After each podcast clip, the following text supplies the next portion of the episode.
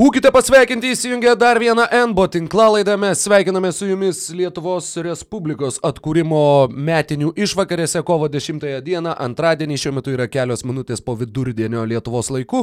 Su jumis sveikinasi Rokas Grajauskas ir Mykolas Jankaitis pasiruošę aptarti visų pirma porą pačių aktualiausių a, istorijų arba galbūt ne tiek istorijų įvykių, kiek a, vieną labai labai svarbų ir a, labai netikėtą įvykį NBA lygoje, kuris nutiko praėjusios savaitės pabaigoje ir tuo pačiu vieną iš e, komandų, e, tai yra ta komanda, kuri pamažu vis labiau įtvirtina save kaip vieną iš pačių pačių pačių pagrindiniausių e, favoričių iškovoti NBA čempionų žiedą 2020 m. atkrintamosiose varžybose. Tad porą dalykų ir sveikas gyvas Mykolai visų pirma, kaip, kaip kitu, kaip tavo savaitė. Sveiki, net, net nepilna savaitė, čia tik tai žiūrėk savaitgalį pradirbau ir jau vat, vėl kaune vėl įrašinėjom podcastą, labai viskas faina, pavyko pažiūrėti gero krepšinio ir turbūt e, pavyko pažiūrėti vienas e, geriausių rungtynių šį sezoną, kurios labai patogių laikų buvo ir, ir mums lietuviams, ir esu įsitikinęs, kad dauguma mūsų klausytojų jas matė ir žino, apie ką kalbu. Tai yra Lakers ir Clippers rungtynės, apie jas mes pakalbėsim šiek tiek vėliau, tačiau, na, mane tikrai netikėtai užklupo ta, ta žinia apie, apie Nets trenerio atleidimą, Kenny Atkinsoną, na, Mm. Oficialiai treneris nebuvo atleistas, o tiesiog išsiskyrė treneris ir organizacija abipusių susitarimų. Tokia yra mm. oficiali versija. Mm -hmm. Tai net nežinau, dabar, e, jokingiausia, kad dabar, vad skaitant, klausant, visi tokie Jo, jo, nu tai čia buvo galima tikėtis, kad sezono pabaigoje atleis trenerių ir panašiai, aš kažkaip, nu, visiškai tam nebuvau pasiruošęs ir, nu, negalvojau, kad vat, kas jau kas, o Atkinsonas gali e, jaust grėsmę savo trenerio pozicijai, nes tai treneris, kuris na, labai užsirekomendavo, labai stipriai tiek e, tarp e, Bruklino Nets fanų, tiek, manau, ta, ta pačios vadovybės, tačiau, na, dėl prieš ką jis nebuvo užsirekomendavęs, tai prieš tos žmonės, kurie net gali pakelti į tokį lygį, kuriame tas klubas niekada gyvenime nėra buvęs. Tai um, kokios tau mintis apie visą šį įvykį? A, visų pirma, Tavo. galime pradėti nuo to, kad, kad Kenny Atkinsonas, dabar tik tai noriu pasitikrinti, 216, ar ne? Taip, nuo 2016 metų vadovavo Bruklino Nets klubui.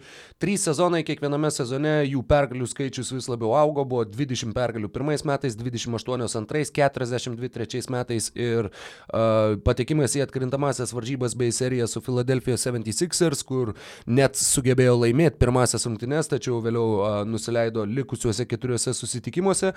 Ir šiais metais taip pat uh, 28 pergalės per 62 jo vadovautas rungtynes. Kalbu apie Kenny Atkinsoną, iškovojo Bruklino Nets.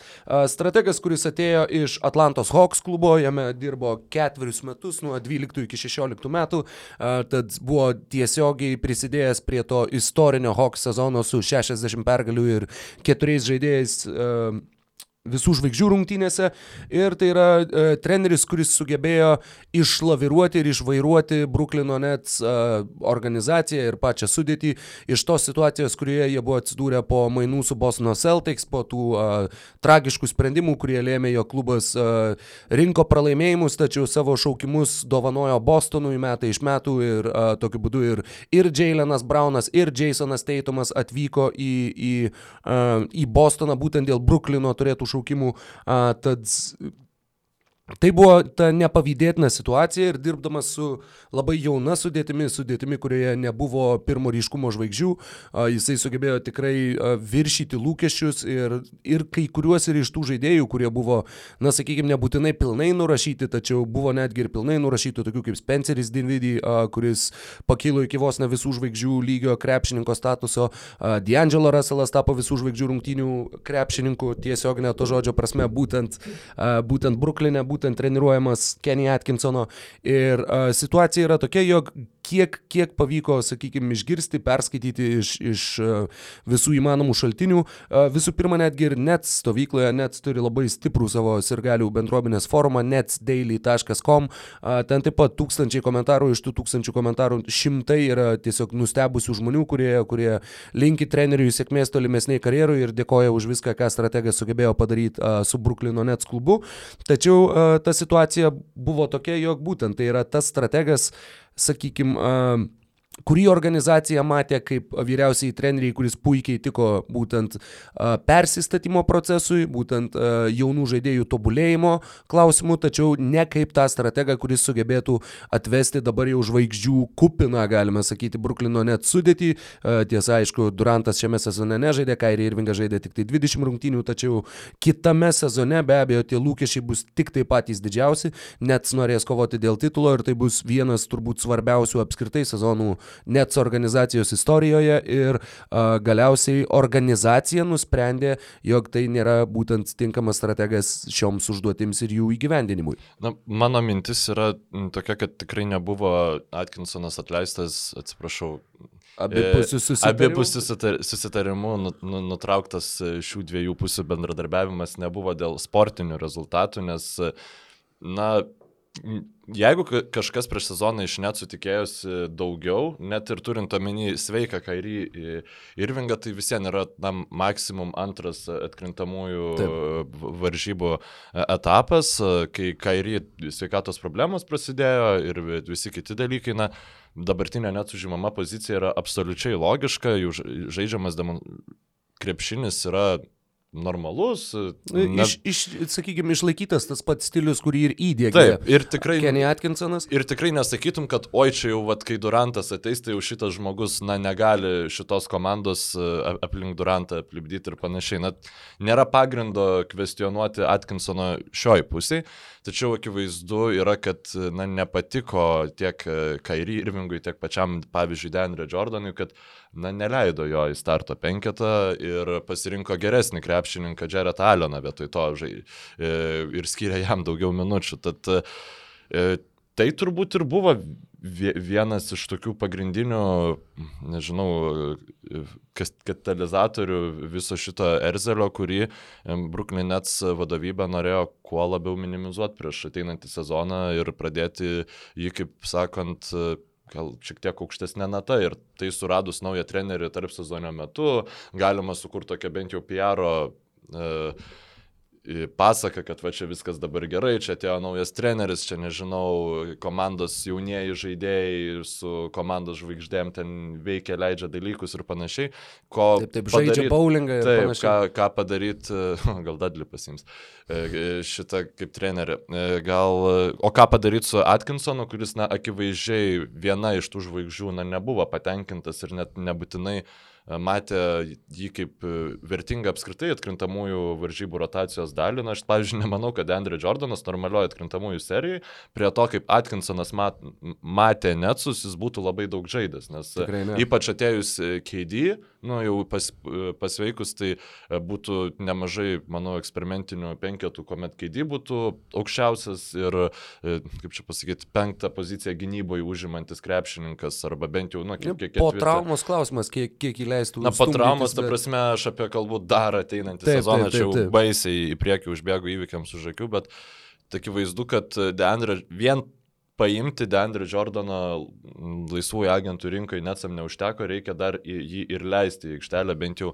reguliariojo sezono metu ir leisti jam jaustis svarbia komandos dalimi ir, na, Atkinsonas ties tuo nepasirašė. Taip, uh, yra keletas dalykų, kuriuos uh, praėjus porą dienų atskleidė The Athletic, uh, kaip čia pasakyti, žinių ir, ir analizių portalas, uh, bei būtent Šamsas Čeranija ir dar vienas reporteris, uh, jog buvo per pastarąją savaitę buvo du atvejai, kai komanda uh, susėdo ir turėjo tuos vadinamosius team meeting, tai yra tiesiog, kai visi susėdo ir visi išsikalba ir uh, jog uh, Vienas buvo po antradienio rungtynių Bostone prieš Celtics dviejų kelinių, kitas buvo iš karto po to, kai, kai Memphis Grizzliai su Valančiūnu suspardė Bruklino Nets Barclays centre ir jog po tų rungtynių tiesiog, kaip jie rašo, Atkinsonas įėjo į rūbinę, atsisėdo ir pasakė visiems, tiek savo žaidėjams, tiek darbuotojams, jog metas yra visiems dabar išleisti visus savo nepasitenkinimus ir, žodžiu, tiesiog išsikalbėti ir išsisakyti. Ir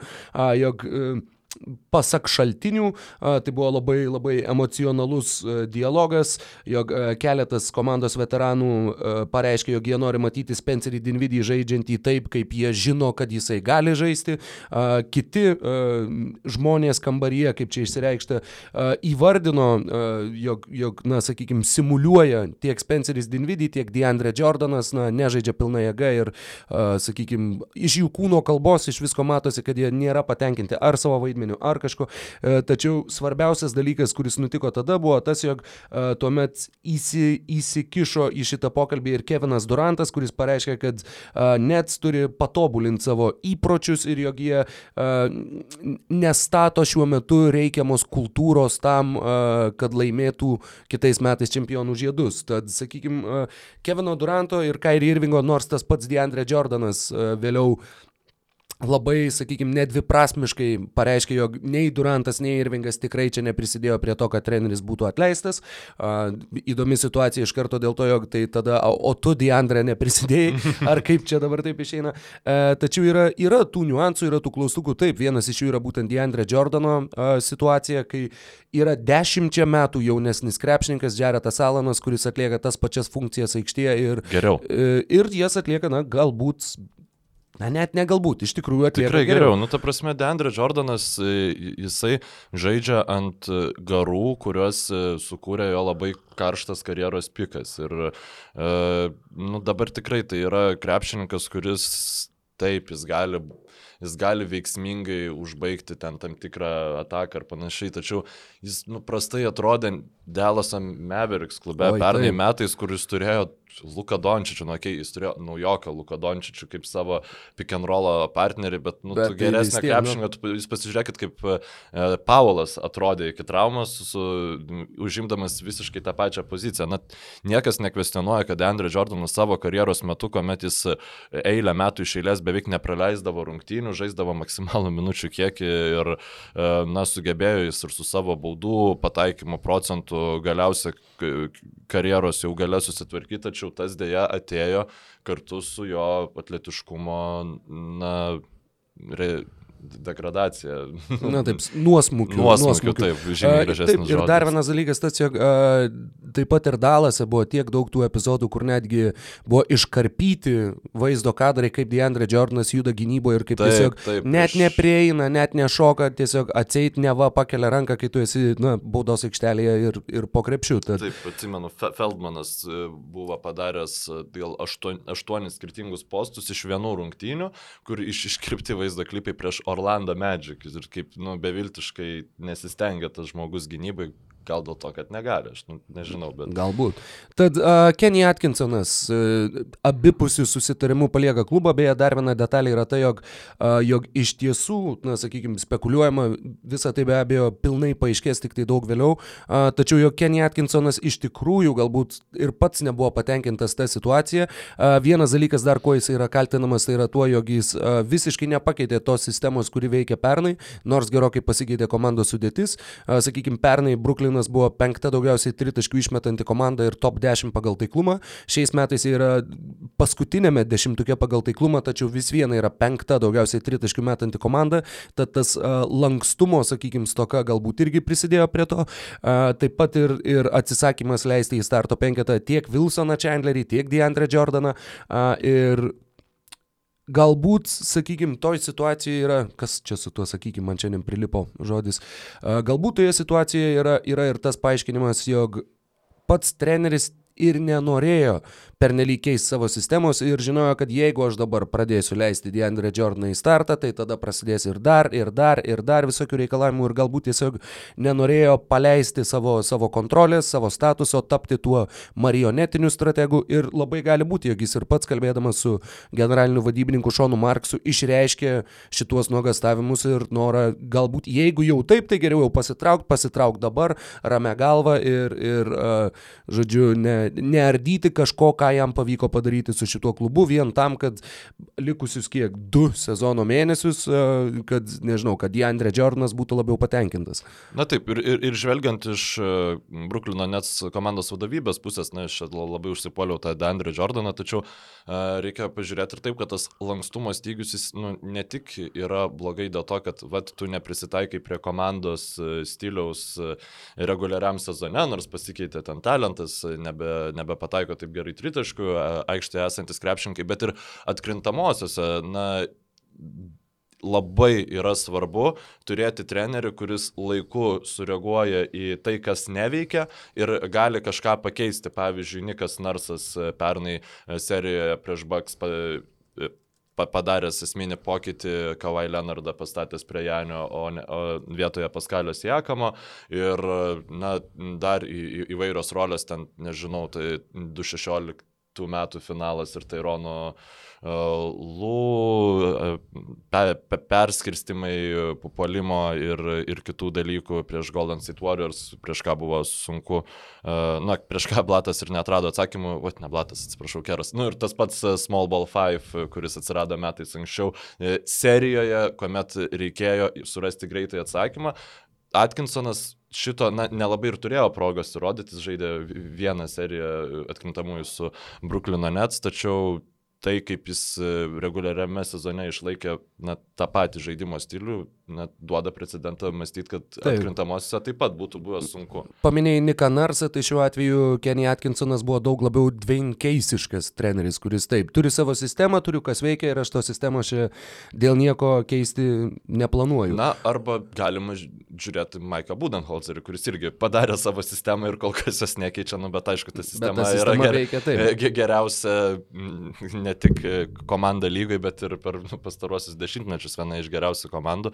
Taip, atpažinti Atkinsono komandą nėra labai sudėtinga, tai komanda, kuri neduoda mes tritaškių, neduoda mes iš pakrepšio, kuo kaip labiau įmanoma uh, provokuoja žaidė, e, krepšininkus e, priešininkų komandos mesti iš vidutinio nuotolio ir, na, jeigu komandoje yra Benas Simonsas arba kažkas panašaus, tai prašom turėk 5 metrus laisvės ir, ir mes tavęs tikrai tikrai neginsim. Ir beje, šita visa gynybos sistema, nors e, yra, sakykime, tokia kampuota ir labai lengvai apibūdinama, bet tai buvo aštunta gynyba, aštunta geriausia gynyba visoje lygoje šiame sezone, Bruklino Nets. Tai, tai yra labai, nu, taip, su efektyvi. tokia sudėtimi, kaip, nežinau, būtent Joe Harris Harisas ir Kercas Levertas ir Torianas Princas, na, tai nėra kažkokie elitiniai gynybos žaidėjai ir matyti juos, juos taip aukštai be abejo buvo a, didelis netikėtumas. Dar vienas dalykas ir dar vienas įdomus aspektas, a, jog Viena iš priežasčių, kodėl dabar, o ne po sezono buvo priimtas šitas sprendimas,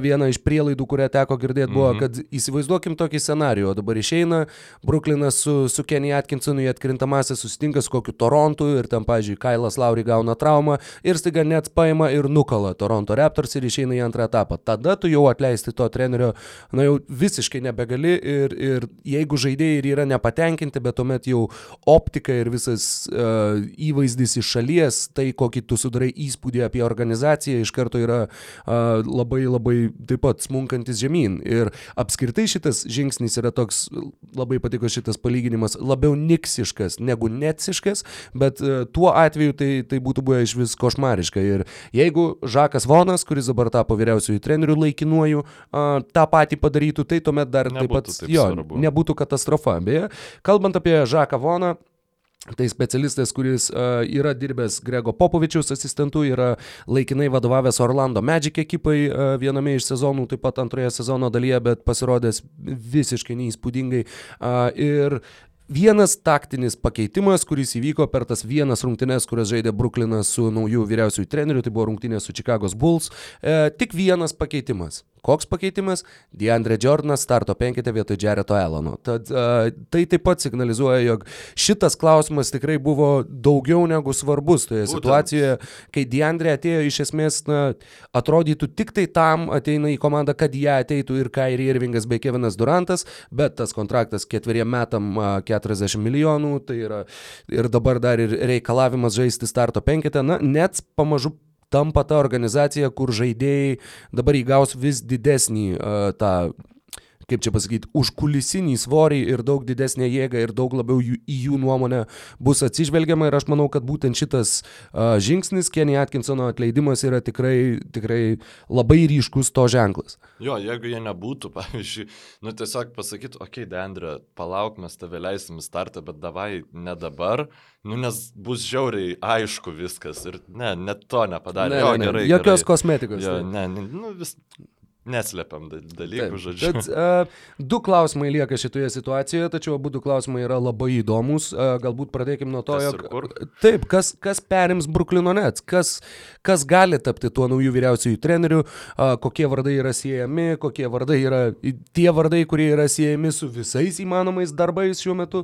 Uh, ir kokie yra tie, sakykime, nestandartiniai variantai arba mažai tikėtini variantai, kurie gali išsipildyti ir kasgi, kasgi laukia Bruklino ir kas kas galėtų tapti tuo, tuo strategu, kuris, štai, kurio klausytų Kairi Irvingas ir Kevinas Durantas ir, ir kuris leistų į startą Deandre Jordaną. Aš šiaip norėčiau tikėti, kad mes nežinom, šiaip, nu, ta prasme, nelabai ne, ne esam susipažinę, pavyzdžiui, su žmogum, kuris treniruos Bruklino Nets, net kai praneš, kas perima vyriausiojo trenerio rolę, kad reikėtų pasidomėti, kad tas žmogus yra nuveikęs, kad tai nebūtų kažkoks žinomas treneris, nes, na, tiesiog tokių laisvų žinomų trenerių su NBA patirtimi, kurie aš ramiai galėčiau sakyti, kad, nu, va, šitas žmogus tikrai e, gali sutreniruoti kelias geras serijas atkrintamosios ir dar ir reguliarų sezoną gerai gali pavaryti.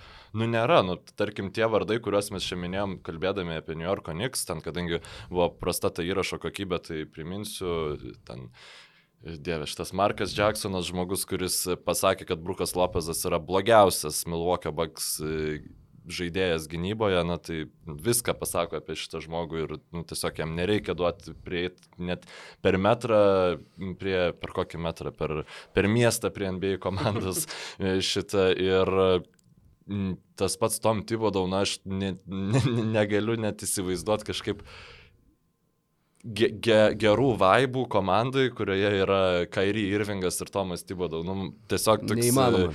po savaitės ten jau būtų Minnesotas Timberwolves visa ta saga atrodytų kaip gėlytės, nu, palyginus. Uh, Nežinau, gal tau kažkas užkliuvo? Šiaip, uh, yra, yra dar, Lū, taip, dar pora vardų. Tyronas Lū be abejo yra vienas iš jų. Tai yra uh, žmogus, kuris treniravo jau Kairį Irvingą, kuris laimėjo Clevelandui uh, vienintelį čempiono titulą. Ir žmogus, kuris šiuo metu dirba Clippers uh, trenerių štabe, vienu iš, vienu iš Doko Riverso asistentų. Uh, Tyronas Lū taip pat, na, Jis buvo labai stipriai siejamas su Lakers šią vasarą, kol galiausiai tenai neatsidūrė Frankas Vogelis, labiausiai tik tai dėl, a, ne, kaip čia pasakyti, nesėkmingai susikloščiusių dėrybų, bent jau tą pranešinėjo JAV žiniasklaida. A, dabar taip pat, na, ar palikti asistento postą tam, kad taptum vyriausio trenerio postų. Manau, jog tokioje situacijoje, kur yra Kairi Irvingas ir Kevinas Durantas, Tyronas Lū net nemirktelėtų, netgi jeigu ir iškovotų žiedus, ar gal netgi juo labiau, jeigu iškovotų žiedus su Lakers šiame sezone. A, tačiau vienas dar dalykas, kurio norėtųsi man a, ne, nepamiršti, yra tai, jog 2017 metais, kai, kai Kairi Irvingas išsireikalavo būti iškeistas iš Clevelando ir atsidūrė Bostone, a, vos atsidūręs Bostone, jisai dalyvavo taip pat vienoje tinklalaidėje, viename podcast'e, kur kalbėdamas apie, e, apie tai, kas džiugina jį atvykus į Bostoną, kaip viena iš tų um, džiugesio priežasčių, vienu iš komponentų įvardino Bredą Stevensą ir uh, jo žodžiai tikslus buvo tokie, jog uh, tai yra žmogus, kuris, uh, tai yra treneris, kuris visų pirma yra intelektualus žmogus ir man to mano karjeroje labai labai trūko. A, tad tai yra, na, galbūt ir netiesioginis, tačiau labai aiškus šūvis e, strategui, su kuriuo tu ką tik tai dirbai ir pasirodė dabar jau tie pranešimai, jog Kairi Irvingas norėtų, kad Tyronas Lū treniruotų Bruklino Nets, kur irgi ta situacija, kur tai tikrai netu prisidėjai prie trenerio atleidimo, kai kitą dieną jau yra pasirodo antraštės, ką tu norėtum matyti vietoj to, ką tik tai, mhm. atsiprašau, neatleisto abipusių susitarimų klubo palikusio stratego, tad uh, Kažkuriam čia taip pat įraše jau buvo, kur daug kalbėjau apie Kairį Irvingą, apie jo reputaciją ir kaip iš Užpraitą. tikrųjų jinai, jinai vis, vis daugiau klaustukų kelia ir šita situacija tik tai dar labiau tą pareiškina. O kalbant apie Tyroną Lū, Lū Cleveland'e mano akimis buvo uh, Visų pirma, tai buvo strategas, kuris neužkirto kelio Lebronui Jamesui, tuo pačiu neužkirto kelio ir Kairi Irvingui, labai išlaisvinantis e, savo žvaigždžių žaidimą ir, sakykime, remiantis komandą e, tų pagrindinių komandos, komandos žaidėjų indėlių puolime ir tuo pačiu sutelkęs tikrai visus ir sugebėjęs na, paversti tą, tą kelionę link titulo, tikrai įspūdinga buvo ir ta, e, tas trofėjus, kurie susipjausti į 16 gabaliukų ir dėliojo su kiekviena pergalė atkrintamosiose ir 16 uždėjo Tyronas Lū ir jie visi šventė, kad štai jie laimėjo. Na, tad buvo, sakykime, tų, tų komandos chemijos problemų tikrai nebuvo. Būtent. O kai tenai buvo Davidas Blatas metai prieš tai, tai buvo, na, daug įvairių tų visą laiką nuolat kažkokių povandeninių surovių, nuolatinių istorijų, kas dėl ko nepatenkintas, kaip ten viskas, kaip ten jie neklauso, klauso to trenerio, vėl nebeklauso trenerio, kaip ten Lebronas uh, rašo tweetus apie tai, kad geriau ieškok ne priežasties išsiskirti iš kitų, o įsilieti į kolektyvą, kur galvau, apie Keviną Lavą. Taip, taip, tačiau turiu omeny, kad vis viena, visi tie dalykai, na, tai buvo tokia pakankamai pakankamai chaotiška komanda, o su Tyronu Lū, to posto perėmimu, ta komanda tikrai, tikrai buvo maksimaliai optimizuota ir atskleista. Na taip, man atrodo, kad ypač, ypač Europoje, na, dauguma krepšinio sirgalių priėmė šiek tiek net asmeniškai tą blato atleidimą, kur, pala, kodėl jūs atleidot, jūs nutipo su Lebronu ir Timofėjų Mozgovu davė nu, gerą kovą vienai geriausių komandų iš Ir atsimenu, atsimenu, kad tas atleidimas buvo po pralaimėjimo Warriors. A. Kad jie pralaimėjo Warriors gal 30 taškų skirtumo ar kažkas tokio ir tą pačią dieną buvo Davidas Blatas atleistas. Ir... Vėliau Warriors žaidė prieš Spurs ir jie laimėjo prieš Spurs ir Popovičius sakė, nu aš tikiuosi, kad tai dabar neatleis manęs. jo, jo, ir tiesiog tada, kai jau Tyronas Lū perėmė trenerio postą, na, m, sakau, Europos krepšinio pasaulyje, tai tikrai net ir NBA krepšinio pasaulyje šiek tiek visi visi apie jį net nelabai kalbėjo kaip apie, o ką čia Tyronas Lūsų galvos ir panašiai. Viskas buvo apie Lebroną, viskas buvo apie Kairį ir net ir šiek tiek apie Keviną Lavą. Ir to Bruklino Nets komandai gal net ir visai reikėtų, kad visi kalbėtų apie Keviną Durantą, visi kalbėtų apie Kairį Irvingą, galbūt tai būtų vat kelias, žodžiu, į, į gerą chemiją ir tuo pačiu gerus rezultatus. Na, kaip uh, Neitas Dankanas savo podcast'ą pasakė, uh, na, palaikyti Kairį Irvingą sveikos, sveiko proto būsenos yra nu, žymiai svarbiau negu bet kokie deriniai, kuriuos tu gali sugalvoti, jeigu, jeigu jis bus nesavas. Tai yra žmogus gerai psichuotas, bet jeigu pavyksta su juo susitart, tai taip, yra vienintelis būdas laimėti čempionų, čempionų žiedus, taip, jo, o jų titulas yra tai. Labai gaila, Tikslas, tiesiog taip aš nugalvau, kad aš mes apie Netsus nešnekėsim šį sezoną iš viso.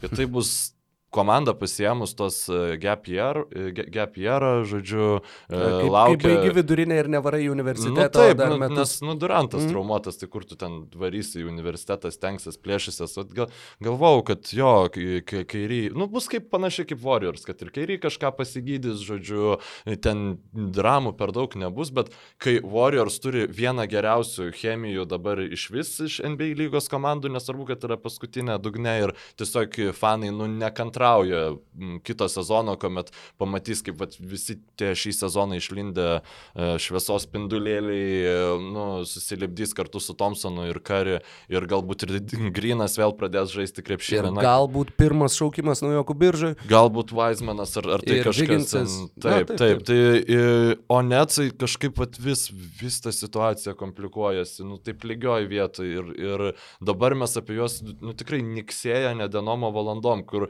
dar dar sezono pradžioj kalbėjo apie tai, kad vad kaip visi šnekėjo, kad Celtics pa, e, visiškai išprievartavo Bruklino Nets franšizę ir kaip dabar Celtics ateitis yra šviesi, o Bruklino ateitis ne, nu ta prasme tai atrodė kažkuriuo metu ir dabar žiūrėkit, Bruklino Nets turi jauną komandą su beliekiek potencialo turinčiais žaidėjais, į ją atėjo Kevinas Durantas, Kairi Irvingas, na ir Deandre Jordanas. Ir žiūrėkit, kuri komanda čia dabar yra geresnėje situacijoje, ar Nets ar Celtics. Ir net nuo to, nuo to aukšto kalno kažkaip pradėjo ridentis ir, nu, man norėtųsi, kad sustotų. Aš norėčiau iš jų matyti kitą sezoną krepšinį ir iš esmės tas treneris, nu, man nelabai yra svarbu, koks jis būtų, svarbu, kad tikrai primažintų va, tų visų povandeninių srovių, nes, nu, kažkaip jau pavargau aš nuo jų.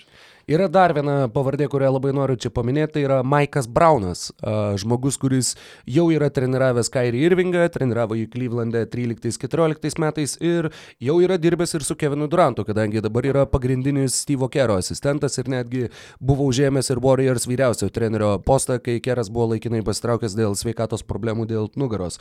Tad Maikas Braunas, žmogus, kuris puikiai pažįsta abitas pagrindinės žvaigždės ir iš šitos pusės, sakykime, na, galbūt tas CV faktas yra taip pat iki tiek svarus, kad gali netgi, netgi nusverti tą Tairono Lū čempiono žiedą. Kadangi tikrai su Braunu, jeigu jis tikrai patinka abiem tiem pagrindiniam komandos varikliam, tuomet a, tas variantas būtų tikrai įdomus ir būtų, būtų taip pat smagu jį pamatyti vėl grįžtant į vyriausiojo trenerio postą. Jisai yra vadovavęs Cavaliers ir Los Angeles Lakers klubams per, per savo karjerą. Tuo pačiu a, vasario pradžioje, tai yra maždaug prieš mėnesį, jisai sutiko tapti Nigerijos rinktinės vyriausiojų trenerių. A, taip pat labai įdomi žinia, tokia žinia iš niekur, a, kad Afrikos rinktinė sugebėjo nusisamdyti tokio, tokio sakykime, statuso vyriausiai treneriai, jisai, jeigu nesumeluosiu, atvedė Cavaliers iki, iki NBA superfinalo 2007 metais. Tuoj tik tai patikrinsiu, ar tikrai būtent jis. Taip, taip, taip būtent jis tada ir buvo vyriausiai. Buvo vienas trenerių. nemėgstamiausių trenerių šiaip Lietuvoje, man atrodo, tuo metu, kad irgi ten, nu, kažkodėl visiems atrodė, kad jis, nu, negali treniruoti. Aš tiesiog tokį konsensusą atsimenu. Geras. Tikrai nežinau, ar jis yra pagrystas kažkokiu tai vienu straipsniu, kurį aš būdamas ten 12 e, metų perskaičiau ir man jis įstrigo, ar taip iš, iš tiesų buvo, nu, kad žodžiu. Na, vėliau, žinau, turbūt Ilgauską per mažai leido žaisti. Ai, nu jo, tiksliai. Taip, taigi, dėl ko daugiau gali lietuviam nepatikti treneriai. Baisiai blogas taip, treneris. Taip, taip, jo, Byronas Scottas, nu, bet Byronas Scottas o, tikrai baisiai. iš vis tragiškas džemas, kaip jis valančiūną galėjo iškeisti Sabonę. Va šitą dievą gazolių. E, taip, a, tad paskutinis dar yra, tiksliau atsiprašau, du yra paskutiniai tokie variantai. Vienas iš jų yra labai platus. A, tai yra, kad kas nors iš San Antonijaus Spurs Wars. Viena. Taip, kadangi iš tikrųjų įspūdingi skaičiai, kiek yra tų strategų, kurie yra dirbę Grego Popovičiaus asistentais bent vienu metu savo karjeroje, šiuo metu NBA lygoje ir yra vyriausiai treneriai. Kaip manai, kiek? Braunas, Budenholzeris. 1-2. Tai yra Bretas Braunas, Philadelphia 76ers, Maikas Budenholzeris, Milwaukee Bucks. Mm -hmm. Dabar e, šitas Snyderis nėra. Ne. Ar, ar šitas blazerius? Terry Stotts, ne. ne. Nu, gerai, nebespėliau. Uh, Jamesas ne... Borego, Charlotte's Hornets. Uh, Hawksų. Uh, dar treneris. Tai ne, ne, ne, visai, okay. ne visai, tačiau iš dalies. Uh, Jimas Boylanas, Chicago's Bulls, Alvinas Gentry, Naujo Orleano Pelicans ir Monty Williamsas, Phoenix'o Suns. Tai jau yra šeši treneriai, tai yra 20 procentų lygos. Uh, ir negana to, Steve'as Keras ir Dokas Riversas yra žaidę už Grego Popovičiaus vadovaujamus Spurs. Uh, Tayloras Jenkinsas buvo Budenholzerio asistentas ilgus metus, tad sakykime yra ta tokia antra šaka mhm. nuo San Antonijaus Spurs. Lloydas Piersas, tavo minėtas Atlantos Hawks treneris, buvo Breto Brauno asistentas, tad irgi dar viena šaka nuo kitos šakos. Tai visus sudėjus jau yra dešimt. Jeigu dar pridėsim ir patį Gregą Popovičių, tai yra daugiau negu trečdalis NBA lygos yra tiesiai, tiesiogiai faktiškai susijęs su San Antonijaus Spurs klubu. Uh, vienas e, klausimas, kuris yra na, pagrindinis kandidatas, sakykim taip, šiuo metu Spars visame, visame trenerių štabe, kuris galėtų, kuris turi daugiausiai patirties ir jau kaip ir galėtų žengti į tą vyriausiųjų trenerių mėsmalę NBA lygoje, yra Becky Hammond.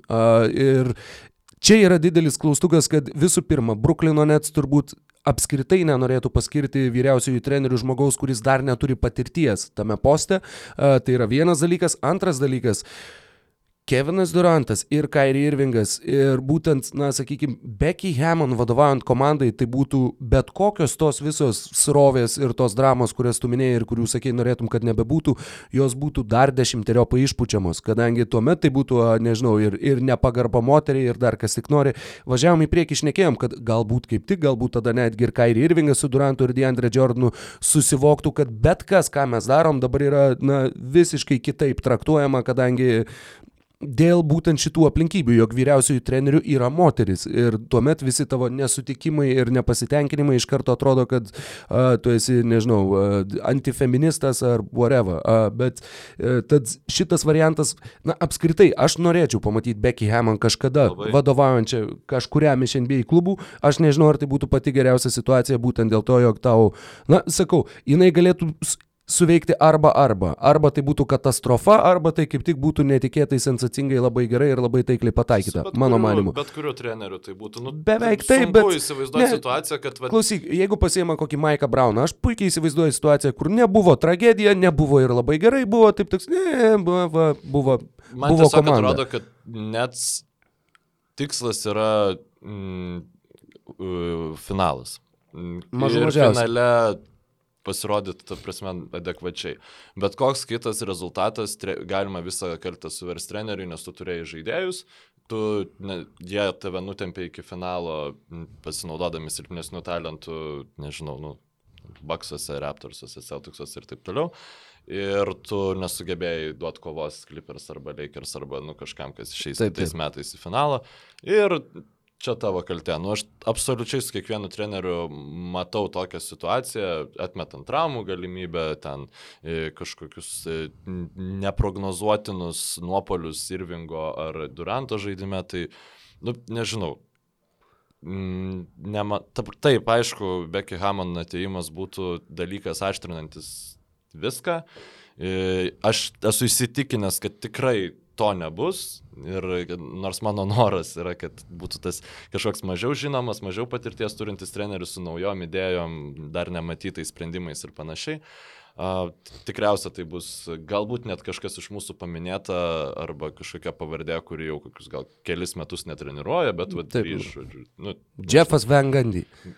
Tenas Van Gundy galbūt jau tada geriau būtų. Galbūt bet... ir geriau būtų, bet irgi nebūtų gerai. A, vienas dar variantas, e, tęsiant tą pačią sparsų temą, yra variantas, kurį paminėjo Stevenas A. Smithas. Žinau, jog pats nelabai mėgsti šio apžvalgininko, bet a, Ja tuo pačiu dar perskaičiau ir dar vienoje vietoje, tai yra visiškai, absoliučiai, na, netikėtas ir šokiruojantis, sakykime, scenarius arba scenarijaus gandas, tai yra Gregas Popovičius. Jeigu Gregas Popovičius nuspręstų, kad su Spars jau viskas padaryta, ką buvo įmanoma padaryti, jeigu jisai, tarkim, paliktų Becky Hammond vadovauti tai dabar jau tikrai persistatyti turėsiančiai komandai, o pats ateitų dar pabandyti iškovoti savo paskutinį čempiono žiedą, tokiu atveju. Šonas Marksas, generalinis vadybininkas, yra San Antonijaus Spars e, sistemos taip pat auklėtinis, jisai tenai ir žaidė, ir buvo asistentų generalinių vadybininkų, ir buvo asistentų trenerių, ir tada tapo generaliniu vadybininku, man atrodo, jų G lygos klube. Na, kad žodžiu, perėjo visą Sparsų sistemą. Uh, bičias beje iš Naujosios Zelandijos, pirmas pakviestas naujokų biržoje Naujasis Zelandas. Uh, yra dabartinis Bruklino Nets generalinis vadybininkas. Ir uh, Žakas Vonas, dabar perimantis tą laikino trenerio postą, yra buvęs Grego Popovičiaus Tiažus asistentas, ant suolo dar yra tarp asistentų dabartinių ir Tiažus Pliteris. A, taip kad yra, na, tas sparsų, sparsų jau yra tenai užuomasgų daug ir dėl to taip pat yra siejama, na, sakykime, net nesiejama, tačiau įvardyjama šita galimybė, jog galbūt Gregas Popovičius, jeigu jam taip susišviestų, a, po 23 metų, San Antonijoje 24 turbūt, palauk, nuo 96, jo, 24 metų, a, pereitų į Bruklino Nets. Ką, būtų, ką, ką tu apie tai manai? Taip pat logiška, kaip matyt Popovič treniruojantis pars, kaip matyt Oladžiuoną žaidžiantį už Toronto Raptors. Ten... Bet tai buvo. Bet taip, tai buvo taip, ne, nu, tai aš, aš, aš turiu tą omeny. Tai, tai, nu, tiesiog e, Parkerį už Charlotte's Hornets, žodžiu, negaliu sakyti, kad neįmanoma. Čia Smithas labai saugų tokį gandą paleido, nes, nu, jeigu to neįvyks, tai absoliučiai, nu, nu dabar Smithas šneka žiauriai daug. Ir o, taip. tiesiog, jo, tokį, tokį spėjimą pavarius, jeigu tu atspėjai, nu, arba jeigu kažkas tau pakuždėjo, kad taip gali būti, nes jis tai yra vis dėlto žmogus, kuris labai daug NBA pasaulyje sukasi ir aš jo nelabai mėgstu kaip krepšinio analitiko, bet e, dėl jo ten kažkokių turimų šaltinių ar panašiai, nu aš jau kaip kvestionuoti ir nelabai galiu. Ir nelabai aš žinau, ar jis dažnai būna neteisus, nes aš jo labai minimaliai žiūriu. Tai jeigu tai bus tiesa, na tai taip, Smithas gaus naują kontraktą iš ESPN tikriausiai dar su papildomu nuliu šalia, nes nu, tai bus labai įspūdinga. O Bruklino Nets tai išspręstų visas problemas, nes aš tikrai nemanau, kad tas, tą komandą ten būtina kaip nors pertreniruoti, ar pasiū, jai būtinas kažkoks tai naujas vėjas dar nematytas lygoje, aš nu, norėčiau, kad tai būtų, bet Popovičius nu, tikrai neturėtų problemų suvaldydamas. Taip, taip. Niekas tikrai nesišakotų jeigu vyriausiųjų trenerių būtų Gregas Popovičius. Ir baigiant šią temą, kuriai mes pasirodo paskyrėm 40 minučių, jau beveik galėtumėm, beveik galėtumėm ir tinklalaidą baigti, bet dar norėsis pašnekėti dar vieną uh, konkrečią temą. Yra ir dar vienas treneris Teksase, kuris e, šiuo atveju gali netgi ir tapti mm. laisvojų agentų po šio sezono, tai yra Maikas D'Antoni, paskutiniai metai Houston Rockets, savininkas nesutiko pratesti su juo kontrakto uh, iš anksto, kaip ir su Derilu Moribėje. Uh, ir Maikas D'Antoni gali būti, jog po šio sezono liks be klubo. Tad jeigu Maikas D'Antoni atsidurtų Bruklinė, uh, ką tai reikštų? Na, tai visų pirma reikštų, jog D'Andre Jordanas, jeigu ir būtų starto penketė, tai turbūt žaistų po penkias minutės per rungtynės. Bet... Tai to Bogans rolė. E, taip, taip, taip, būtų tas, e, net nežinau, lietuviško atitikmens, galvau, bandžiau kažkokį atsiminti, bet, bet sunkiai pavyksta. A, beje, šiaip Keitas Bogansas yra labai jau toks senas Na, prasme, referencas, bet žinai, kas kad... Zaza Pačiulija arba Dževeilas Magi, va, buvo tie žaidėjai, kurie žaidžia starto penketę ir taip, taip. trečiam kilinukė dar irgi pažaidžia penkias minutės, o daugiau sėdė ant suolo. Tad tok, toks vaidmuo lauktų Diandre Džorno, mano manimu, prie Maiko D'Antoni, bet ką tai reikštų, ką tai reikštų likusiai komandai? A, Šiaip, nu, nežinau, man tai Dantoni labai patinka, aš tiesiog uh, manau, kad dabartinis, uh, jeigu žiūrėti tai, kaip žaidžia Rockets, uh, tai manau, kad būtų sudėtinga Dantoni pritaikyti savo žaidimo stilių, ypač gynybos filosofiją, net ir prie uh, dabartinės Nets komandos minus Deandre Jordanas. Nu, tai, prasme, e, tai tikrai nėra komanda, kuri galėtų iš vien keistis. Taip. Reikėtų, e, aš manau, savo žaidimo stilium daug labiau koks e, Stotsas iš Blazerių arba Snyderis tiktų, na, sugebėta aplipdyti komandą, komandos gynybą aplink Aleną arba Keviną Durantą, kuris šiaip yra labai geras lanko saugotojas. Na, bet tuo pačiu Dantoni, jisai atėjo į, į Rocketsus su ta etiketė 7 seconds or less, kurią vis dar nešėsi iš Phoenix'o Sans laikų ir sugebėjo, parodė, kad jisai nu, yra treneris, kuris gali prisitaikyti prie komandos talento. Klausimas, kiek jam laiko tam užtruktų atrast kažkokį dar vieną naują arkliuką, nes nu, negalėtų jis tiesiog ištraukti iš savo turimų e, aiškių stilių kišenės, nes kai jis net, kai Deantoni neturi ko, komandos žaidimo stiliaus, kurį mes galim aiškiai identifikuoti, kuris, na, būtų lengvai atpažįstamas, tai kaip buvo Suns arba dabar yra Rockets, tai tada mes gaunam Los Angeles Lakers, nu, tiesiog komanda, kuri kaip ir turi Deantoni. Niks. O jis, jis buvo ir Niks. Nu, Niks, bet ir Lakers treniravo. Taip, taip, taip, taip. taip, tai tiesiog, na, manau, kad neturi net tiek laiko. Ir neman, nemanau, kad tai būtų labai geras sprendimas, nors aš Dentonį labai gerai vertinu. Labai aukštai, tiksliau, teigiamai vertinu. Na, kaip tik paminėjai Dentonį kaip vieną iš buvusių Los Angeles Lakers strategų, tad galim ir pereiti prie antrosios pagrindinės temos.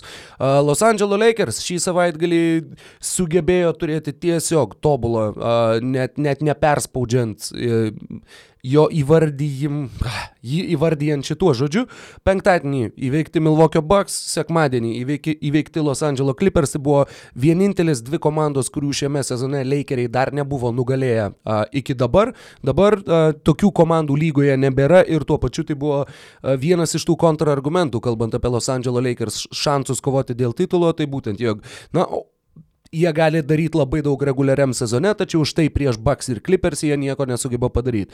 Pasirodo sugeba ir uh, tos rungtynės, kaip jau minėjai, būtent prieš Los Angeles Clippers buvo vienos, vienos uh, įsimintiniausių šiame sezone, labai intensyvios, labai gražios, labai gynybinės rungtynės, uh, kur ir vieni ir kiti stengiasi kuo labiau uždaryti pagrindinius varžovų ginklus, galbūt ne tiek pagrindinius, uh, pavyzdžiui, Lakers atveju visiškai buvo išmesti iš žaidimo ir tiesiog pakišti po ratais. Markusas Morrisas ir Lou Williamsas. Uh, Morrisas apskritai sužaidė 0 iš 9 metimų, uh, Lou Williamsas taip pat surinko turbūt daugiau klaidų negu taškų, na, labai labai silpnos rungtynės jam ir būtent tai, sakykime, ir buvo vienas iš tų žaidimo elementų, kuriais sugebėjo Lakers nukonkuruoti savo oponentus. Žinoma, čia dar turėsiu ką pasakyti, bet matau, jog ir tu jau kilnoji pirštuką. Tai... Jo, aš tiesiog norėjau pareferuoti tą tavo, kad pak, pakištų po ratais, aš nesakyčiau ne po ratais, o po garvežiu, kuris yra uh, Lebronas Džeimsas, nes būtent ketvirtam kelinyje uh, mes pamatėm, kaip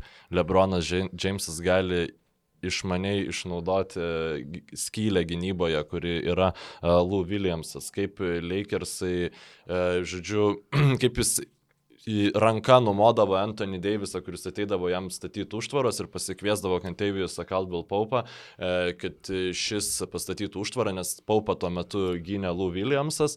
Tada Tada porą atakų jis taip pelnė taškus, kai pavyko išsikeisti į Lou Williamsą, tada e, Clippers pradėjo keistis iš anksto ir e, taip uždaryti kelią na, tam, kad Williamsas gintų e, Lebroną, bet tada Lebronas pasitikėdavo Paupu ar Bradley ir šie galėdavo užbaigti Taip. atakas. Ir galiausia, na jau neliko kito pasirinkimo, kaip padėti e, gynyboje, tada jis aišku pastebėdavo laisvus ar ten po krepšių įkertančius Anthony e, Davisą pavyzdžiui, kuris šiaip, tarp kitko, žiauriai irgi gerai išnaudoja tas erdves, kurios atsiveria, kuomet padeda priešininkai gynyboje prieš prieš Lebroną Jamesą, tai tas irgi yra šiek tiek neįvertintas gal Anthony Daviso krepšinio intelekto, e, tas toksai išnaudojimas, na, tas smagu aspektas. buvo. Jo, tas aspektas labai, labai smagu matyti jį taip e, nestovinti vietoje ir ne, nemetanti kokio vidutinio. Taip, kalbant nuotolio. apie ketvirtą kilinuką. Taip, ir tiesiog paskui jau, e, nesuminėjai apie Morisą ir, ir Williamsą, paskui jau Williamsas buvo pasodintas, tai žmogus, kurį atakavo Lebronas, yra, Mar, buvo Markusas Morisas. Ir Jeigu dėl Williamso viskas yra suprantama, tai Markusas Morisas negali sauliaisti būti tuo žmogumi, per kurį e, pervažiuoja Lebronas Džeimsas. Jis būtent buvo pasimtas dėl to, kad jis ne, nu, nebuvo tas žmogus niekada karjeroj, per kurį Džeimsas važiuotų pastoviai. Nu, jis aišku kartais važiuoja per visus, bet e, čia jau ką padarysi. Uh, Tai, Taip, tai, tai čia ir buvo, buvo tie dalykai, sakykime, kurie labiausiai įstrigo ketvirtam kilinuke. Vienas tai tas pratisas Lou Williamso atakavimas pick and rolluose, aš nežinau, 6-7 kartus turbūt vos ne pailiui. Visos atakos yra tiesiog mušam Lou Williamsą, po to vėliau ir taip pat tie reidai per Markusą Morisą, dvitaškai su pražangom ir, ir nieko taip pat negalėjo padaryti Morisas prieš Lebroną. Ir Lebronas ne tik polime ketvirtam kilinuke atrodė fantastiškai, bet ir gynybui. Buvo epizodas, kai jisai beveik išprovokavo, ten buvo ginčytinas epizodas pražanga polime, jeigu nesumiluosiu, arba Montrezui Herelui, arba mhm. Paul George'ui, kažkuriam iš jų. Galiausiai buvo pražanga pač, pačiam Lebronui, bet ten, sakau, šitas Steve'as Džavy, kuris šnekėjo fone kaip, kaip teisėjas ekspertas, sakė, jog jisai būtų visgi skyręs pražangą polime, kadangi ten tikrai buvo milimetrų klausimas, ar Lebronas dar slydo prieš atliekant metimą, ar jau buvo Morisas ten buvo, va, kas, kas ten rėžėsi į Lebroną. Morisas, jo. Tad žodžiu, vienas vienas tas epizodas, kur Lebronas aukoja savo kūną ir stato save tam, kad, žodžiu, kad, kad jį rėžtųsi varžovas. Kitas buvo, kur ten išmuštas kamuolys ir kur veid, veidų į parketą neria 35 metų Lebronas pirmas ant kamulio ir kur uh, tie dalykai, kur, sakykime, vienas dalykas, bet kuriam kitam komandos nariui, kai tu matai Lebroną, kuris ir šiaip jau yra Lebronas plus, tu matai 35 metų jau NBA mastu vos nesenelį, kuris šitaip visiškai savęs negailėdamas, sakau, krenta, krenta kiekvienoje situacijoje ant kamulio ir visiškai negaili savęs, tai yra visų pirma,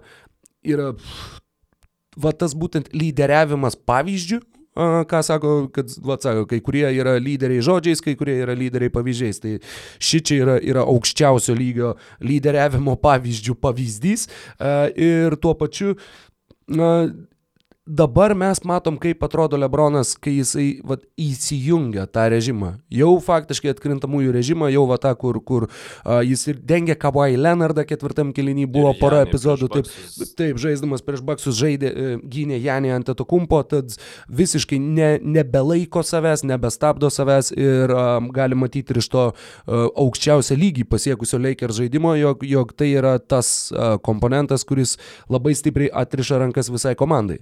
E, taip, aš norėjau pakomentuoti būtent tą Lebrono Jameso e, na, situaciją, kuomet jis bandė išprovokuoti pražangą gynyboje. E, jeigu NBA nu, būtų galima pakeisti vieną dalyką, tai aš tiesiog pakeičiau, kad šitoks veiksmas visada būtų pražanga gynyboje, nes nu, mane žiauriai nervina tie uh, bandymai išprovokuoti e, pražangą polime ir ten lindimai po kojomis, kuomet tai yra pavoj, žiauriai pavojinga tiek pačiam e, krepšininkui, tiek, nu, kuris daro tą veiksmą, tiek e, puolančiam žaidėjui, nes nu, tai tikrai e, labai nemažai traumų yra būtent dėl tokių labai liberalaus požiūrio, kad o jis čia, e, na, nejudėjo, nes jau spėjo koją pristatyti, nors jis ten realiai, nu, įbėga į tą puolantį krepšininką. Tai, nu, aš labai džiaugiausi, kad ten pražanga gynyba užfiksavo ir tikiuosi, kad dažniau tai bus traktuojama, nes e, yra tas judesys ir yra buvimas už puslankio. Ir per dažnai yra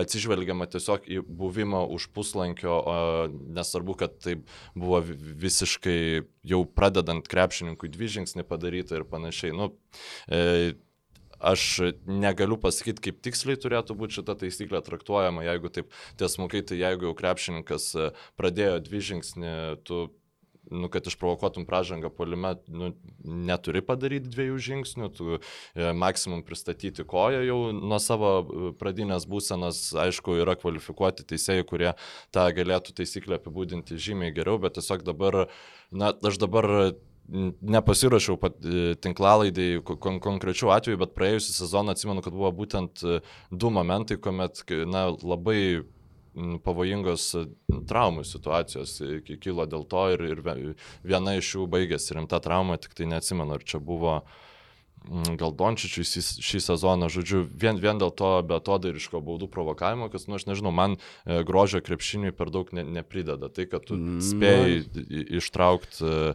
koją iš to puslankio. Nu. Na, kiekvienam savo, nežinau, man asmeniškai taip nekimba tikrai šitas niuansas, bet uh, tęsiant apie Lakers, uh, Lakers po visų žvaigždžių savaitgalio pertraukos rezultatas yra 8 pergalės ir tik vienas pralaimėjimas. Įdomus labai komatiniai skaičiai, jų puolimas yra vos 23 lygoj bet jų gynyba yra antra po Milvokio Bucks. Jie tuo pačiu žaidžia ketvirtų aukščiausių tempų su Lebronu Jamesu, kuriam 35 metai kaip pagrindiniu savo polimo varikliu. Ir uh, vienas dalykas, kuris, kuris turėtų džiuginti Lakers ir galius ir tuo pačiu gazdinti kitų komandų fanus, yra tas, jog iki vasario mėnesio, kai LeBronas Jamesas sėdėdavo ant suolo, komandos uh, reitingas per 100 minučių, reitingo skirtumas buvo uh, minus 3,8, tai yra varžovai uh, per 100 atakų, atsiprašau, ne 100 minučių, aplenkdavo Lakerius tokiu, skaičiu, uh, tokiu skaičiumi, tai yra blogesnis skaičius negu sezono rezultatas, kurį šiuo metu fiksuoja Chicago's Bulls arba Detroito Pistons, kitaip tariant, be Lebrono Jameso Lakers buvo tiesiog labai bloga lygos komanda, o per paskutinės 15 rungtynių tas skaičius yra plus 4,8 ir tai yra maždaug toks rezultatas, kurį fiksuoja Jutos Jazz viso sezono metu. Tad uh, Lakers išmoksta pamažu žaisti be Lebrono Jameso ir vienas pagrindinių to, to faktorių yra tas, jog uh, Anthony Davisas iš tikrųjų viso sezono metu, netgi uh, žvelgiant į 36 minučių statistiką, tą sulyginimą tiesiog uh, kokius skaičius jisai renka vidutiniškai per va tokį laiką. Jisai viso sezono metu jis e, žaidžia rezultatyviau ir meta daug taikliau. Anthony Davisas, kai Lebrono Jameso nėra aikštėje, lyginant su tuo, kai Lebronas yra ant parketo, tačiau per pastarąsias tas e, minėtas 15 rungtynių per 36 minutės jisai renka po beveik 10 taškų daugiau ir į žaidimo metą beveik 12 procentų taiklumu aukštesniu negu kad su Lebronu, kas iš tikrųjų atrodo labai labai keista, kadangi atrodo, jog šie du krepšininkai, na, tiesiog puikiai yra, yra uh, Kirvis ir Kotas ir vienas kito, taip, tiesiog, na, na papildančių krepšininkų reikėtų dar paieškoti NBA lygoje, bet Lebronui sėdint ant suolo, Anthony Davisas panašu, jog netgi ir pats prisėmė kažkokią atsakomybę, jog, uh, kadangi kai yra dvi žvaigždės komandai, tu puikiai supranti, jog tuos skaičius, na, tu ir pats juos tikrai esi matęs ir tu supranti, jog tu kaip žvaigždė turėtum žaisti efektyviau ir tą Anthony Davisas sugeba daryti vis grėsmingesniais tempais. Tad tai tikrai yra, mano manimu, labai labai svarbus indikatorius, parodantis, kiek pavojingi yra Los Angeles Lakers. Kalbant dar apie pavojus, dabar taip pat artimiausias rungtynės, man atrodo, šią naktį Lakers žais be Lebrono Jameso, kuris praleis jas dėl kirkšnies skausmo. Ir galima atsiminti, jog pernai tai buvo būtent kairioji kirkšnis, kurią jisai susižeidė per kalėdas. Šiais metais buvo prieš maždaug savaitę, aš neatsimenu prieš ką jis žaidė, bet aš puikiai atsimenu kadrą, kaip a, kontakto metu Lebronas a, tiesiog krito po krepšių ir kurį laiką negalėjo atsikelt, minutės per trukėlę ir kai jisai kelias, jisai susėmęs būtent už tos kairės kirkšnies. Tada atrodo, jog a, padarinių tos traumos iš tikrųjų vis dar yra. Ir a, tai yra labai labai didelis pavojus ir labai labai, na, sakykime, aš nežinau, Lakers turėtų visą laiką tą kairę kirkšnį, kai Lebrono nėra aikštėje, apvinioti tuo, tuo plastiku, kur gali sprogdinti burbuliukus, kad tik tai išsaugo, tik tai aš ne, nežinau, ką dar galima ten daryti, šaldyti, šildyti, virint, ne, neįsivaizduoju, bet tai yra tas, tas sakykime, ta detalė, kuri nors ir nesimato labai ryškiai, nors apie ją nėra plačiai kalbama, tačiau ji visiškai gali nulemti sezono likimą. A, ir kir kirkšnys, e, nu tu jų taip paprastai nepagydysi, ta prasme, taip. taip yra raumo, kuris dirba, e, dirba pastoviai ir realiai net ir sėdint, nu, ta prasme. Nežinau, gal. Nu, ta prasme, nu, žmogui šiaip, jeigu jis nemiega, nu, ta prasme, dažniausiai jokį kirkšnys dirba. Tai tu, aš nežinau, bet. Nu, tiek teko ne, girdėti, nežinau, bet, okei, okay, ne, nesu irgi medicinos ekspertas, bet tikrai vieną dalyką žinau, kad kirkšnį pilnai išgydyti yra labai sunku. Ir tu net absoliutus fizinio krūvio apribojimas, aš nu atsiprašau, jeigu ten neteisingai išsireiškiau dėl to raumens dirbimo sėdint, galbūt tai nėra tiesa, bet e, neapribosi tu jos darbo taip, kad jinai visiškai išgytų ir dėl to tas pasakymas, e, nu, kad kirkšnis yra labai nu, pasalūniškos ir yra tikrai teisingas. Ne, ne hamstring, džiaugiuosi sakyti hamstring, groin. Groin, groin, groin, taip, nu dėl to ir su savo susimaišiau. Tai, e, na, tikiuosi, kad e, nebus jokių problemų Lebronui, aš žinau, kad jisai, nu, žinau, tikiuosi, kad jisai ir net ir nebūdamas šimtų procentų sveikas žais ir esu įsitikinęs, kad žais labai gerai, bet būtų smagu, kad tokie dalykai kaip kirkšnis na, neapribotų. Taip, plus tai yra rizika a, tikrai didelė, jeigu tu nesi pilnai pasveikęs ir eisi vis vieną žaist. Matėm, kaip pernai baigėsi Durantui, kaip baigėsi Klei Thompsonui, matėm ir, nežinau, ir Kobės panašių situacijų, tad, na, čia yra labai labai slidus ir labai pavojingas dalykas, bet kol kas, na, Los Angeles Lakers e, gerbėjams beldžiant į medį ir spjaudant per kairį petį ir ten darant visus kitus užkalbėjimus, yra pirmoje vakarų konferencijos vietoje, tai yra pirmoji vakarų konferencijos komanda, kuri jau užsitikrino dalyvavimą atkrintamosiose, jie yra laimėję ketverias pastarąsias rungtynes, devynerias iš pastarųjų dešimties ir iš tikrųjų žaidžia dominuojantį krepšinį ir tikrai Jeigu dar kam nors tai kilo klausimų dėl, dėl jų buvimo NBA favoritais, e, na, vienais iš, e, tai manau, kad tų klausimų dabar tikrai nebelieka. Ir toliau, mano manimu, yra tos trys komandos, tai yra Milvokis, Lakeriai ir Clipperiai, kurie, kurios yra, sakykime, jeigu ne visa galva, tai bent jau pusgalvių aukščiau negu, negu kiti NBA klubai, kalbant visa apie, galva. nu, apie šansus manau, iškovoti kad, titulą. Kad, nu, niekam nekils per daug e, klausimų tiek dėl Bucks statuso rytų konferencijoje, tiek dėl Los Andželo klubų statuso vakaruose. Na, tai yra, norėjau kaip tik tavęs paklausti, ar tau kaip e, Clippers, na, ne fanai, bet e, Clippers pagrindi...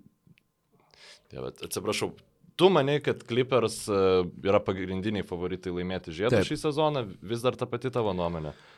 Taip, po šitų rungtynių irgi. A, po šitų rungtynių irgi taip, da, dabar galbūt... Nemanau, sakykim, kad šiaip turėtų keistis dėl jo, vienų rungtynių, tikrai. Dėl vienų reguliario sezono rungtynių tikrai ne, bet a, žinoma, Lakers, sakykime, tas įsibėgėjimas, na, truputėlį tą užtikrintą teigimą, jo Clippers ir tikrai Clippers galbūt kiek taip a, priverčia braškėt, bet tuo pačiu, na, sakykime, kad ir šitose rungtynėse Avery Bradley sumetė 24 taškus, 6 tritaškius geriausios sezono rungtynės ir taip toliau, to tu negalėsi tikėtis septyniarių rungtynių serijoje istorijoje, kad jisai tą darys reguliariai. Vienas žmogus, kurį aš labai noriu čia paminėti, baigiant šitą visą Lakers temą ir dar turim po vieną paraštinę naujieną, kaip žinau, kurias galim aptart labai trumpai.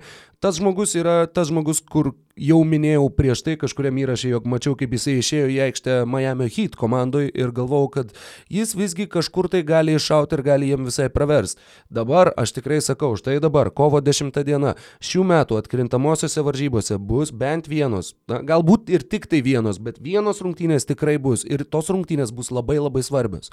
Labai svarbios, kokios nors eliminavimo rungtynės, lemiamas mūšis septintos rungtynės, kur Lakers herojumi taps Dionas Veitersas ir aš tą sakau dabar dabar ir aš šitos minties taip pat neišsižadėsiu iki, iki tol, kol jinai paaiškės, jog buvo klaidinga, bet tikrai, mano manimu, na, tai yra tas krepšininkas, kuris na, jo visam charakteriu, jo visai gyvenimo istorijai, viskam tiesiog bus tas vienas susitikimas, kuris sumes arba 30, arba netoli 30 ir mes kalbėsim, kad kaip iš visų įmanomų žmonių sumautas Dionas Veitersas štaiga paėmė ir iššovė tada, kai visi mažiausiai tikėjomės. Aš manau, kad tokios rungtynės bus. Na, tu tai tu nesakysi, kaip tu sakysi, aš sakiau. Na, taip, taip, tai, dabar, dabar tai sakau, čia, čia pasakau tam, kad galėčiau visiems kartuoti, aš sakiau, aš sakiau. Šiaip mano nuomonė šitų klausimų nuo naujienų paskelbimo, čia per savaitę kažkur praėjo iki, Maždaug.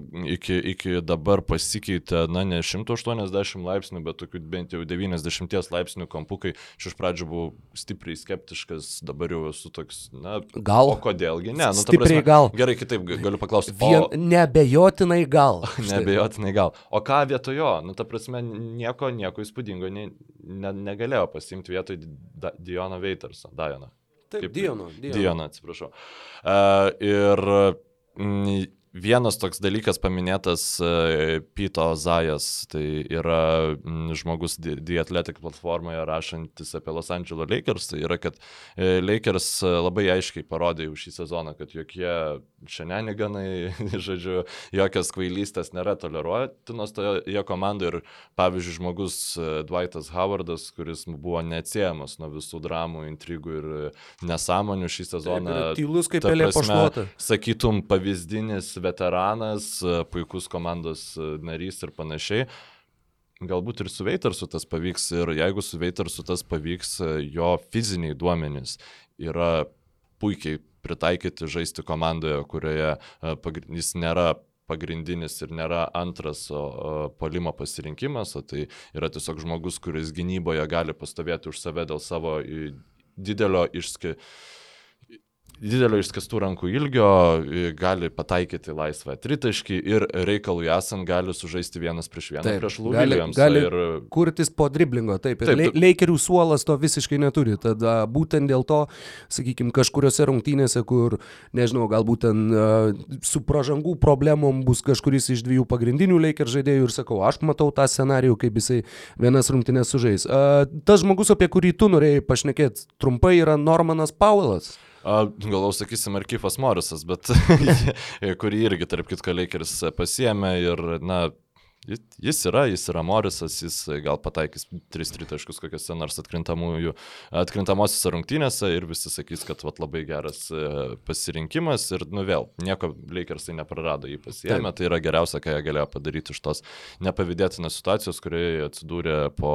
Mm, užsidariusio mainų lango. Taip, labai svarbi ir tikrai tikslinga statistika ir visiškai e, paremta labai rimtais duomenimis, tai yra tai, kad Normanas Pavolas e, lapkričio 28 dieną ant savo rankų palaikė Fredo Fanflyto sūnų, po kurio gimimo Fredas Fanflytas iš uh, visiško skrab tapo vienu geriausių gynėjų ten pasaulio istorijai. Nu, jeigu rimtai, tai tiesiog labai geru startinio, startinio penketo geros komandos krepšininku. Tai iki tos tos lapkričio 28 dienos e, e, Normanas Paulas rinko po savo būdingą 11,5 taško, 4 atkovotus kamolius ir 1,6 rezultatyvus perdavimo. Jis tai darė mesdamas 44 procentų taiklumų žaidimo, 34 iš tritaškio ir 83 procentų nu, taiklumų iš...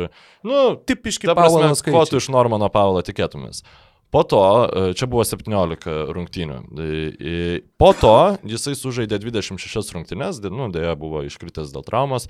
E, ir per tas 26 rungtynės jis renka po 20 taškų, 3,6 atkovoto kamulio, tai na, šiek tiek mažiau atkovotų kamuolių ir du rezultatyvius perdavimus ir tai daro mesdamas 50 3 procentais iš e, aikštės, 43 procentais nuo 3 taškų zonos ir 84 procentais nuo baudų metimo linijos. Tai okay. jeigu Dianas okay. Dionas Veitersas gautų prieimą prie Fredo Fonflito sunaus, na, naujasis magiškas artefaktas NBA lygoje po šito, kas ten to, buvo Clay Thompsono toasteris, kur, kurį taip, gavo. Taip, taip, taip. Tai čia, čia irgi toks en, enchanted item. Jo, bet jeigu rimtai, tai Paulas žaidžia žiauriai gerai ir Raptorsam e, labai reikėjo štai tokio pastiprinimo nuo atsarginio suolo, nes net nelabai daug žaidė nuo to atsarginio suolo, nes vis kažkas Raptors e, gretose yra traumuotas šį sezoną ir reikia tikėtis, kad atkrintamosiose jo tempai nesumažės ir tada, nu, sakykime.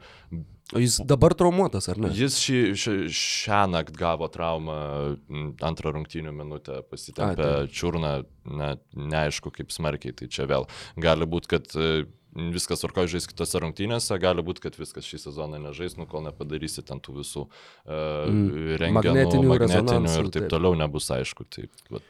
O mano paraštinė naujiena, su kuria mes ir užbaigsime šį, šią tinklalaidą, yra ta, jog Memphis Grizzly pasirašė negarantuotą kontraktą su žaidėju, kuris nebuvo pakviestas NBA naujokų biržoje, tai yra John Tay Porteriu. Sakykime, žinutė, kuri galbūt šiaip jau nepatrauktų dėmesio, jeigu ne kelios įdomios detalės. Jie pasirašė tą kontraktą su žaidėju, kuris vis dar negali žaisti, jis vis dar gydosi traumą. Praėjusio sezono pradžioje jisai e, patyrė kryžminių raiščių kelio traumą ir tada ją besigydydamas tuos pačius kryžminius raiščius reabilitacijos metu nusitraukė dar kartą, tad na, labai skaudi ir labai apmaudi trauma. Kontraktas yra pasirašytas tokiu principu, jog e, komanda Komandai priklauso John Tay Porteris šiame sezone, jie tikisi, kad jisai iš savo traumų išsigydys iki treniruočio stovyklos pradžios. Ir vėliau, uh, sakykime, net ne vėliau, o prieš tai dar jie galės nuspręsti, ar su komandos opcija pratesti uh, ir garantuoti jo kontraktą kitam sezonui, ar tuo pačiu uh, atsisakyti tos teisės, tačiau pasirašyti ilgalaikį kontraktą. Uh, John Tay Porteris, dėl ko yra įdomus žaidėjas, na, nežinau, giminystės ryšiai šiaip jau nėra garantija, jog tas žaidėjas yra geras E, J.R. Smitho brolis, pavyzdžiui, sako, sveiki, ar atsimenat mane. E, John T. Porteris yra jaunesnis, vienais metais Michaelo Porterio iš Denverio Nuggets e, brolis, yra taip pat aukštas žaidėjas koledže žaidė kaip vidurio polėjas, šiaip jau NBA turbūt bus sunkusis kraštas, tačiau na, galės dabar, dabar slankėtis tarp šitų dviejų pozicijų. Taip, na, tai yra aukšta ūgis, sakykime taip, kuris labai gerai meta iš toli, kuris pasižymi labai gerų mobilumu, tačiau Draft Express pabrėžė, jog jis nėra greitas ar staigus, na, sakykime, neturi sprokstamo greičio, bet yra būtent labai mobilus ir labai protingai užsiimantis pozicijas. Iš to aprašo iškart įsivaizdavau kažką tokio domant saboniško žaidėjo judėjime aikštėje, jeigu tai nėra baisiai greitas, bet yra labai mobilus ir gerai užsieima pozicijas. Plus, kaip ir minėjau, gerai pataiko iš toli ir dėl ko, sakykime, šita žinutė taip pat kreipė mano dėmesį, dėl to, kad Memphis Grizzly ir toliau priima tuos sprendimus, kurie atrodo nu, turbūt vieni logiškiausių visoje lygoje. Čia irgi lygiai tas pats, tu pasėmė žaidėją, rizika yra absoliučiai nulinė. Tačiau jeigu tas žaidėjas tikrai pasveikus po traumų, sakykime, atsiskleis ir, ir parodys, jog yra tikrai NBA talentas ir yra vertas būti NBA klubo rotacijoje, tuomet šitas ėjimas bus, na, taip pat tas, tas žingsnis, kuris yra, kurį turėtų bandyti atlikti tos komandos, kurios, nežinau, murgdosi ten konferencijų dugnuose ir kurioms trūksta trūksta talento ir kurios, na, sakykime, neturi galimybių to talento gauti kažkokiais kitais būdais, ar netgi jeigu ir turi, tai yra tas būtent be jokios kainos ir su, sakykime, pakankamai dideliu potencialiu pelnu atliekamas žingsnis. Ir tai yra dar vienas, dar vienas, mano akimis, labai labai didelis komplimentas Memphis ir tai, ką uh, tas naujas jų, naujas ofisas, uh, nauja, nauja klubo valdyba daro viso šio sezono metu, žiūrint jau nuo vasaros, nuo naujokų biržų, nuo laisvųjų agentų rinkos, viskas yra tiesiog, na, na stebėtinai žavu ir kad žmonės be patirties atlikinėja štai tokius sprendimus. Dar kartą Zekas Klaimanas ir Teišonas Princas yra tie du, tie du žmonės Ir tikrai keliu kepurę, va galiu netgi tiesioginę to žodžio prasme, tiems, kas žiūri vaizdo įrašą, tiems, kas uh, klausosi tik audio. Galiu teks, patvirtinti. teks tai įsivaizduoti. atlikta. uh, teks įsivaizduoti šitą kadrą, tačiau kepurė nukelta ir tą norėjau padaryti, būtent kalbant apie Memphio Grizzlių sprendimą pasirašyti kontraktą su John T. Porteriu. Taip, čia turbūt e, yra jau tradicinis mūsų e, kepurės nukelimas prieš Memphis Grizzlies, nes nu, turbūt kiekvieno podcast'o metu vis kažką teigiamą apie šitą krepšinio organizaciją pasakom. laiką labai gerai kažką daro. Tai, tai- nu, tai, tai, o ką, E, kas Taip, belieka? taip, e, labai, labai tikrai pritariu, nieko nežinau apie šitą krepšininką, labai tikiuosi, kad pavyks su- sužinoti kažką, kažką daugiau, labai smagu už porterių šeimyną, šiaip du krepšininkai, na, Su traumom. visiškai atrodė sunaikinti traumų ir tai po, Michaelas Porteris jaunesnysis šnekėjom praeitą savaitę, kad jau žiūrėk, tvirtinasi labai normaliai ir tikriausiai, na, aš tikiuosi, kad jis gaus tą savo gyvenimą keičiantį kontraktą ateityje. Tikiuosi, kad ši, šis porteris irgi įsi, įsitvirtins ir tarp kitko grizliams žiauriai trūksta metikų, tai vat, e, būtų labai puikus, puikus papildymas. A, Pabaigai noriu pasakyti, kad mus galite rasti Basket News e, YouTube puslapyje, taip pat Podbean platformoje įrašę NBAS ir ten mus galite sekti ir gauti pranešimą, kada išeina mūsų nauja tinklalaidė, ne, nereikės rūpintis refreshinant ant YouTube ir panašiai. Ir taip pat mus galite sekti Apple podcast, Google podcast, Spotify ir visur kitur, Taip, kur randate. Ir e, geria, tinklalaides. geriausia polima lygoje po visų žvaigždžių savaitgalio turi Orlando Magic. Ir 28 gynyboje. Taip. Gynyba, taip, taip. taip. Tai visą gerą sėkmę. Ačiū visiems labai ir, ir iki kitų susiklausimų laimingai.